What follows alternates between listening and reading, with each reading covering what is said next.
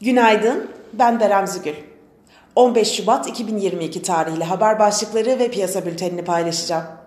Erdoğan'ın ziyaretinde Birleşik Arap Emirlikleri ile 13 anlaşma imzalandı. Zelenski saldırı tarihi olarak telaffuz edilen 16 Şubat'ı Ulusal Birlik Günü ilan ederken daha sonrasında açıklamalarında ironi olduğunu belirtti. Citi ve RBC petrol fiyatlarında daha fazla yükseliş öngördü. Fed'in şahin üyeleri Ballard ve Barkin sıkılaştırma lehine açıklamalar yaptı. JP Morgan stratejistlerine göre FED sıkılaştırması tahvil piyasasında aşırı fiyatlanıyor.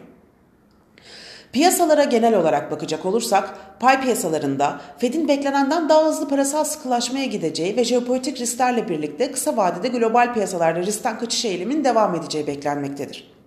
Jeopolitik risklere yönelik endişeler devam ettikçe riskten kaçışla birlikte Borsa İstanbul'da satış baskısı ve zayıf seyrin devam etmesi beklenebilir. Rusya ile Ukrayna arasında sıcak çatışma yaşanmadıkça Borsa İstanbul'da satış baskısı devam etse de düşüşlerin orta vade için alım fırsatı olacağını düşünüyoruz. Ancak olası bir sıcak çatışma durumunda bölgesel yakınlık nedeniyle endekste ve TL varlıklarda sert negatif fiyatlama oluşabilir. Borsa İstanbul kapanışına göre ABD ve Almanya vadeli endeksleri yataya yakın seyrederken Asya borsalarında negatif ağırlıklı karışık bir seyir hakim.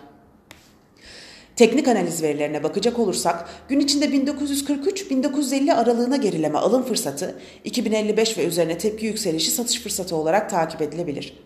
Viyop tarafında ise gün içi long pozisyonlar için 2201, short pozisyonlar için 2248 seviyeleri zarar kes seviyesi olarak takip edilebilir.